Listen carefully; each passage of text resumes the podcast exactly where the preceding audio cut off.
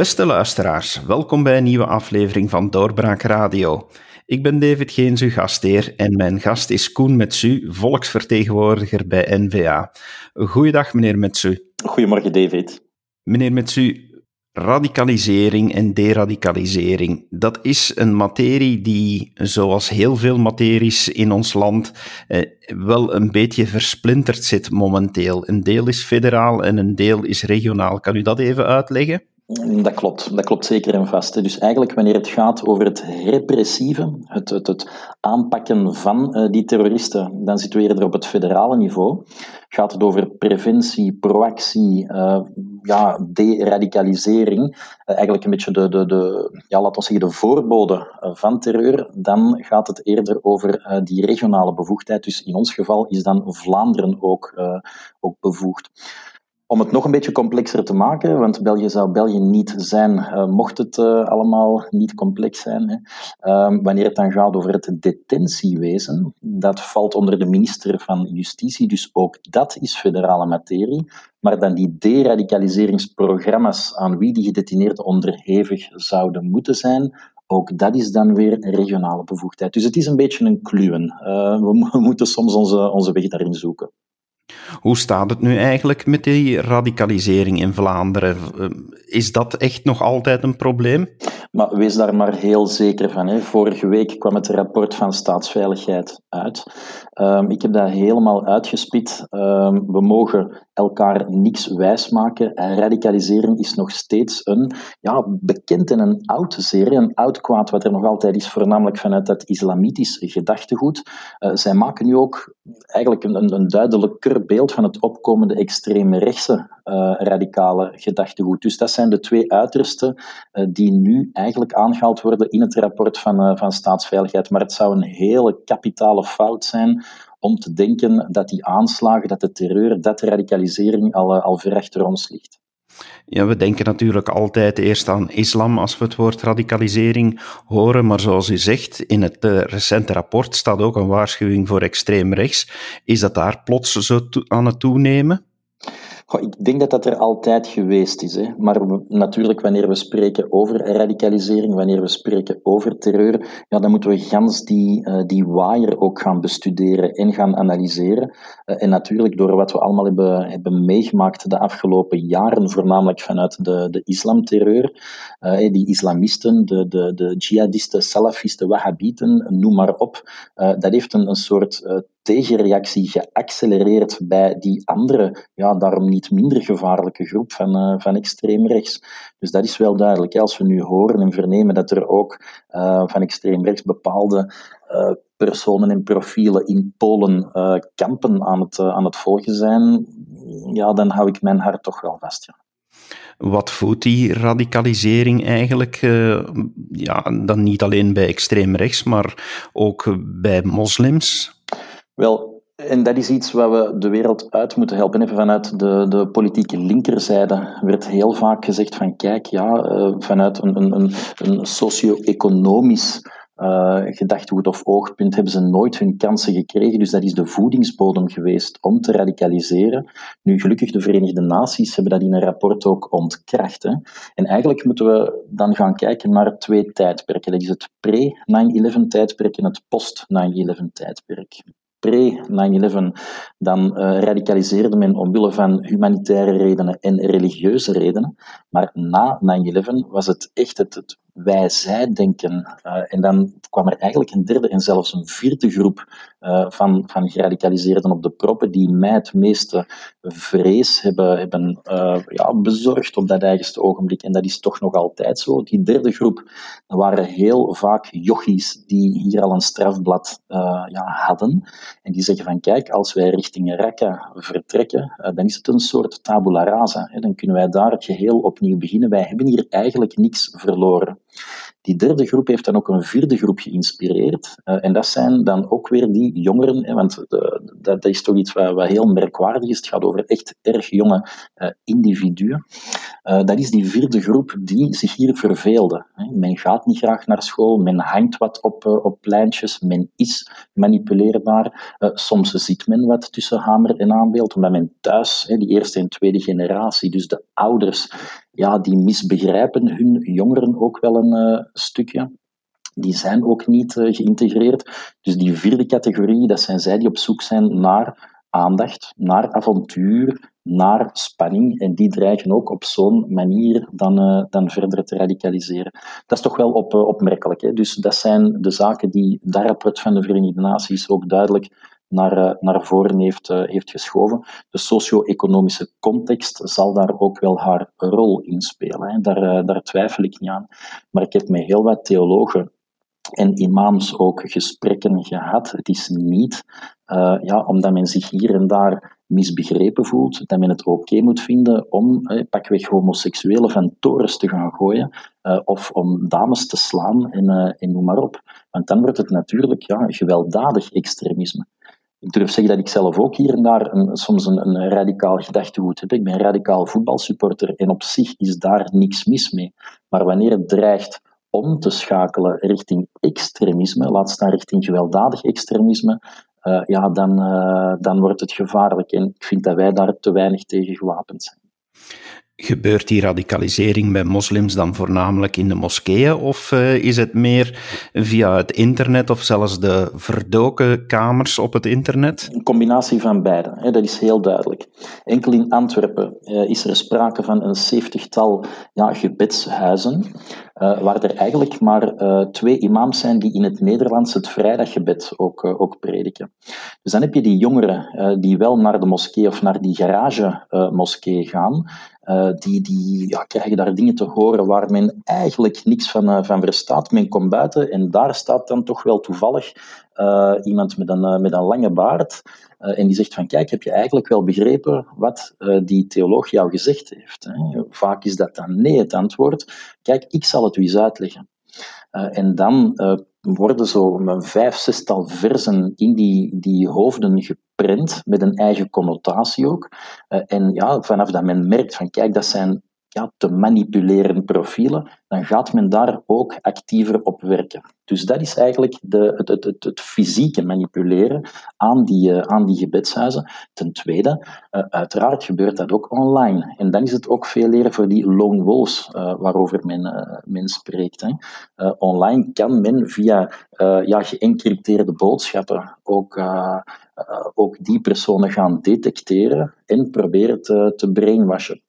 En soms is het zelfs zo dat men dat niet zo verdoken probeert te doen. Uh, maar als je bijvoorbeeld het tijdschrift van de Islamitische Staat bekijkt, hè, Dabik, uh, Dabik is een heus, uh, een heus tijdschrift waarin men zegt van kijk, kom toch naar hier, ook, ook gericht aan de jonge dames nota bene, kom maar naar hier, want hier schijnt de zon, we hebben zwembaden, we hebben ook cola je moet hier niet werken. dus men maakt die te manipuleren jongeren ook iets wijs. Uh, totdat het te laat is, hè, totdat men inderdaad uh, ginds uh, voet aan, aan bodem zet.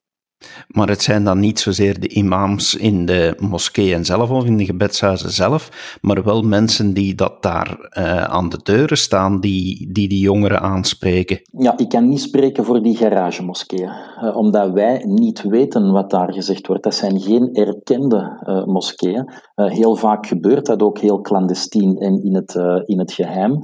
dus wat daar gezegd wordt, wie daar zich verenigt, dat is ons soms een, een groot raadsel. Wanneer het gaat over die, ja, die geëikte moskee, die erkende moskee, dan is daar wel enige vorm van controle. Uh, en dan durf ik stellen uh, ja, dat er ook wel zaken gezegd worden waar ik het niet altijd mee eens ben, maar dat is dan een soort religieuze tegenstelling. En dat mag ook. Ik heb daar aan zich geen, uh, geen probleem mee. Het is pas vanaf het ogenblik dat, we gaan spreken over het proselytisme, uh, wanneer dat men uh, ons gaat opdringen om ook zo te gaan denken, of men ons als minderwaardig gaat beschouwen omdat wij dat religieuze gedachtegoed niet volgen, ja, dan, dan, dan moet het stoppen. daar ben ik heel, heel duidelijk in.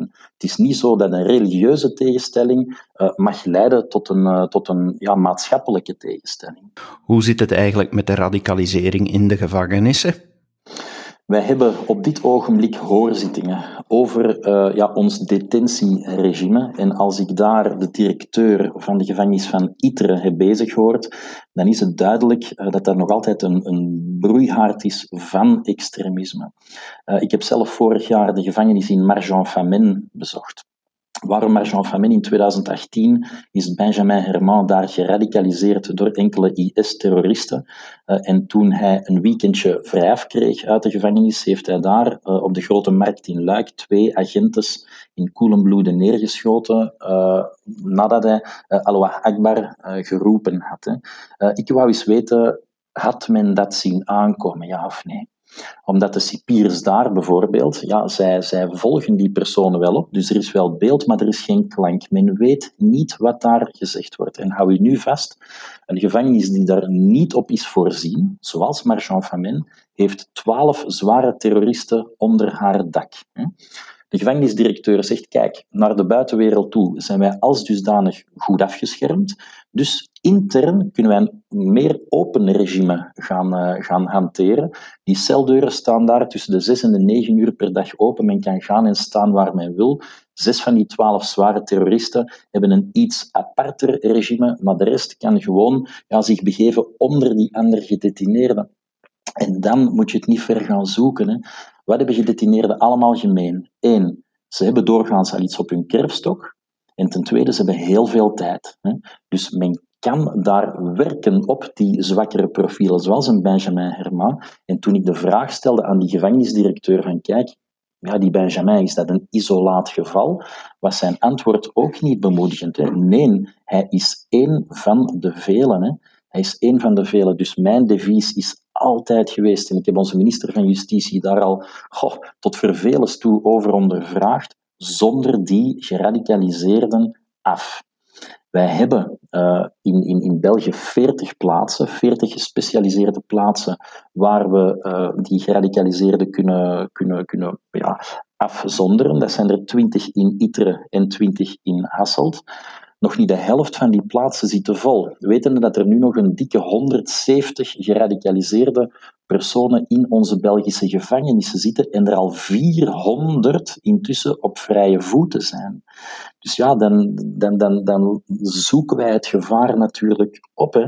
Uh, wij moeten ervoor zorgen dat zij hun verdorven gedachtegoed niet verder kunnen verspreiden onder die andere gedetineerden. Maar mijn pleidooi valt daar op een, op een koude steen. De huidige regering, maar ook de minister van Justitie, ja, houdt daar veel te weinig, uh, te weinig rekening mee. Ten tweede, uh, men moet ook verplicht op hen inwerken.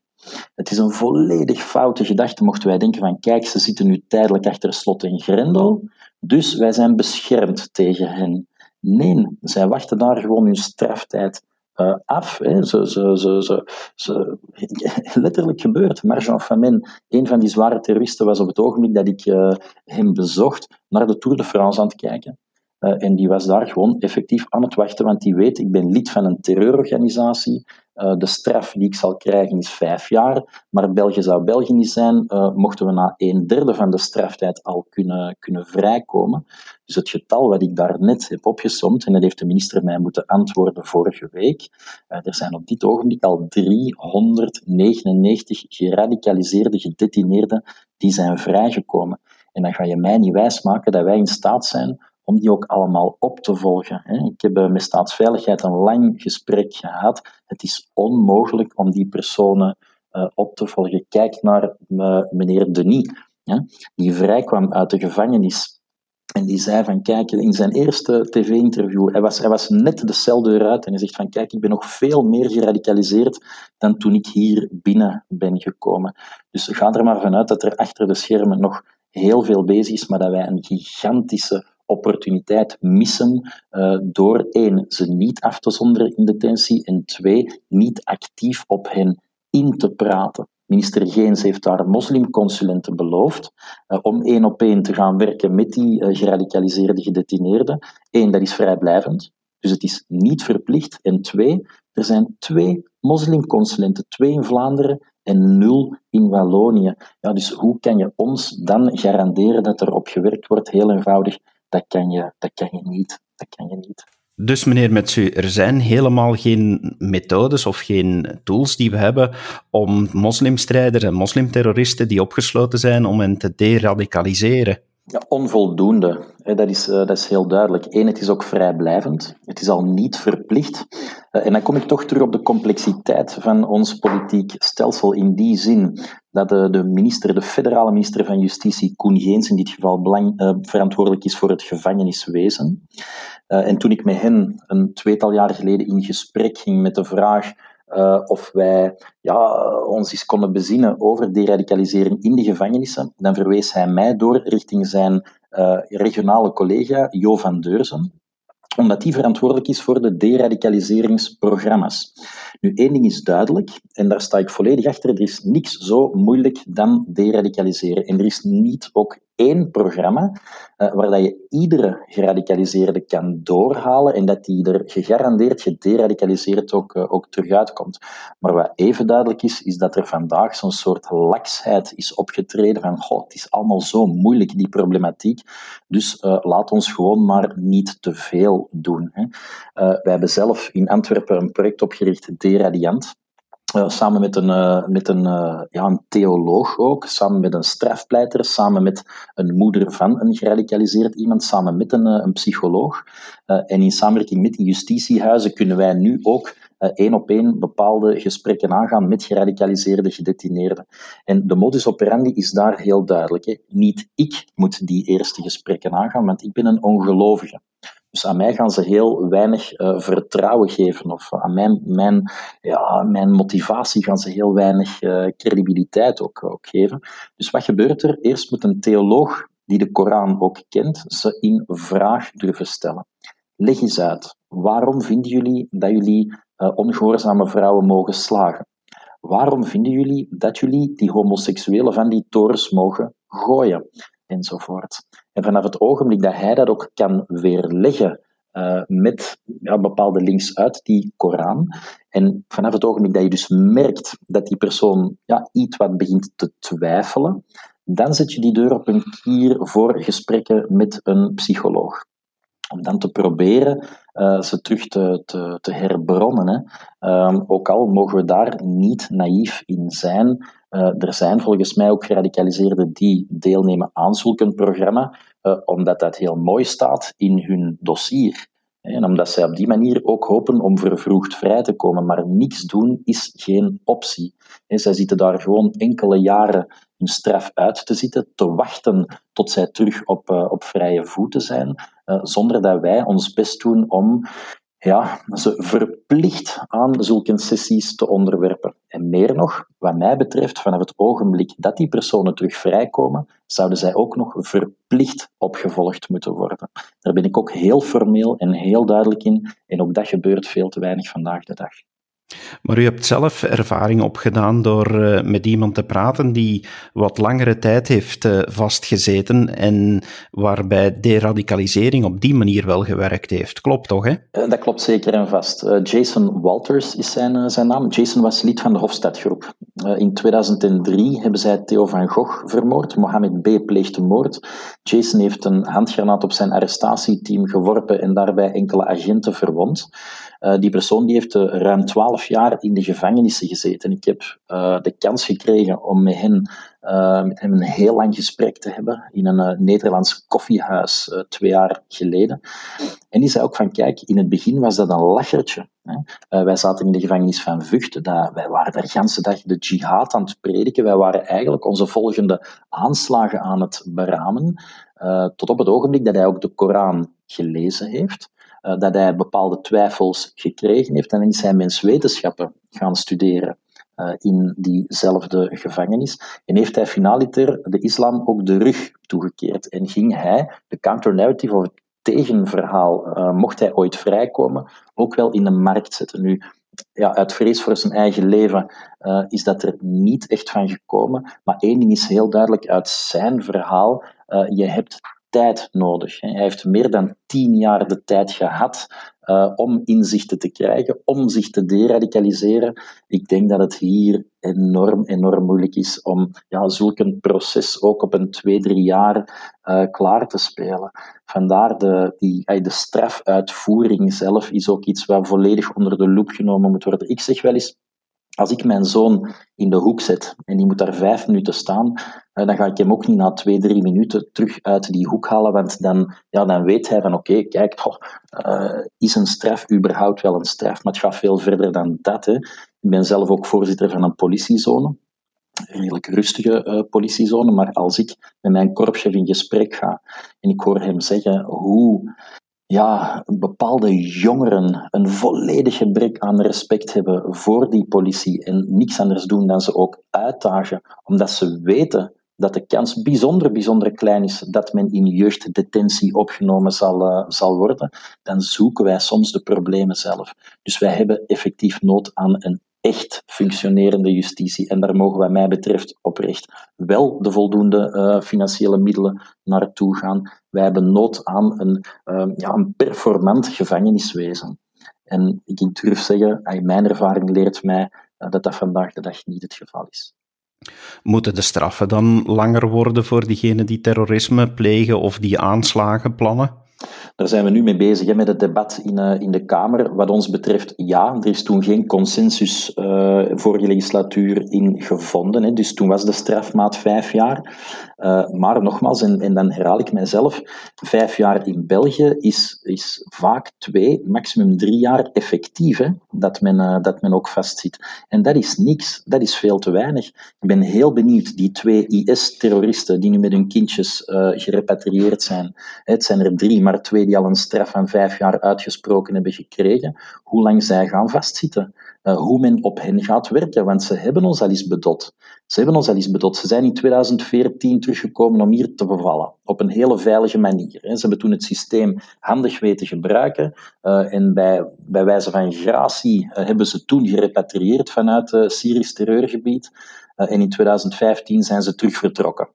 Ze hebben ons terug de rug toegekeerd. Ze hebben terug uh, ja, een dikke, sorry, maar middelvinger opgestoken naar onze maatschappelijke context in al haar waarden en normen. Uh, en, en zijn terug op het vliegtuig gestapt richting terreurgebied. Nu wordt de grond onder hun voeten ginds een beetje te heet en zitten zij daar in een gevangenis waar je niet graag in zit. Uh, wat mij betreft moeten zij daar berecht worden, moeten zij daar hun straf uitzitten. Ze hebben daar ook zelf voor gekozen.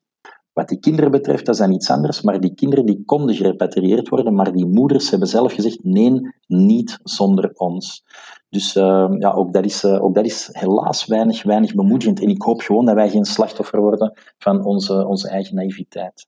Ja, u geeft eigenlijk al antwoord op de vraag die ik nog had. Uh, geradicaliseerde moslims, waar moeten die opgesloten worden? Hier of uh, moeten die teruggestuurd worden wanneer ze de dubbele nationaliteit hebben? Of moeten ze berecht worden op de plaats waar ze de misdaden begaan hebben? Maar dat lijkt dus wel de richting uit te gaan dat u, dat u vindt dat die beter in buitenlandse gevangenissen zitten. Nou, daar ben ik 100% voorstander van. Ik ben er altijd heel formeel en heel duidelijk in geweest. Men wist waaraan men begon. Je kan niet meer zeggen dat zij die de afgelopen vijf, laat staan tien jaar naar ginds vertrokken zijn, dat zij niet wisten wat het gevaar was. Ze hebben voor dat eigen gevaar gekozen. Ze hebben nota bene ook voor uh, ja, die wijze van berechting gekozen. Maar als men daar dan zelf het slachtoffer van dreigt te worden, ja, dan trekt men toch nog altijd uh, die Belgische kaart en zegt men van jongens, jullie hebben de plicht om ons te komen, te komen halen. We hebben dat zo lang mogelijk tegengehouden. Uh, maar klaarblijkelijk is er nu toch uh, een, een, een ja, manier geweest om, om terug te keren. en heeft minister Goffin uh, ze ook terug binnengelaten vorige, vorige week. Ik begrijp dat niet. Ik begrijp dat oprecht niet. Uh, omdat, nogmaals, één, ze wisten waaraan en waaraf, ze wisten waaraan ze begonnen. Uh, en nu komen zij terug om hier, laat ons heel eerlijk zijn, hun tijd rustig uit te zitten in een gevangenis die niet lijkt op een gevangenis in Irak of in, of in Syrië. en ja, moeten wij Moeten wij ons daar goed bij voelen, ja of nee? Ik heb, een, ik heb een, een, een, debat, een discussie gehad met collega's van, van Groen en van SPA, die zeggen, ja, we moeten ze terughalen, want dan kunnen wij ze hier controleren.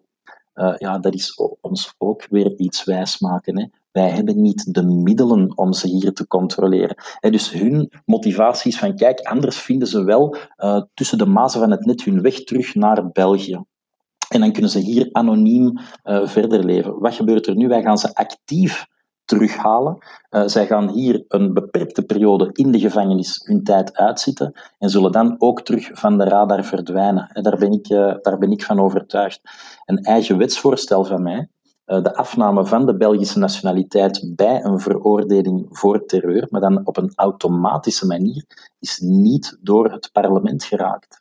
Dat is niet door het parlement geraakt. Ik heb daar iedereen proberen overtuigen van het belang van dit wetsvoorstel. Dat als mensen die de Belgische nationaliteit eigenlijk verfoeien, verafschuwen, ze niet willen, ja, dan verdienen zij die ook niet. Dus is men veroordeeld voor terreur, dan verlies je bij een dubbele nationaliteit automatisch de Belgische. Dan heb je geen recht meer op onze rechten. Wordt de radicalisering in de hand gewerkt vanuit het buitenland, denkt u? Ja, dat denk ik zeker en vast wel. Hè. Uh, we, we, proberen al heel lang uh, de financiële stromen ook uh, bloot te leggen. Het moslimbroederschap vanuit Qatar bijvoorbeeld, daarvan weten wij dat zij moslimterreur en die fundamentalistische groepen ook, ook sponsoren. Hè. en dan heb je het, het Hawala-bankieren, het ondergronds bankieren, wat, ook, wat ook heel moeilijk is om bloot te leggen. In Spanje is men daar al deels in, in geslaagd. Wij lukken daar momenteel nog niet in. Dus ik ben ervan overtuigd, eh, Dianet bijvoorbeeld, eh, waar eh, Erdogan ook zegt van kijk, beste, uh, beste imams in de Turkse moskeeën, jullie moeten A, B en C zeggen. Jullie moeten zich verzetten tegen de Gulenisten. En vanaf het ogenblik dat jullie weten dat iemand Gulenist is, moeten jullie dat ook rapporteren aan Turkije. Dat is wat mij betreft zelfs uh, pure spionage. Hè. Dat is ook nog niet zo heel lang geleden. Dus die buitenlandse invloed, die is er. En daar, daar, daar zijn wij ook niet blind voor. We weten dat natuurlijk ook. Uh, ik denk wel, vanaf het ogenblik dat we er op een of andere manier in zouden slagen om die financiële stromen bloot te leggen, uh, dat we een stap in de goede richting zetten. Meneer Metsu, dank u wel voor uw toelichting. Dit was uh, zeer verhelderend.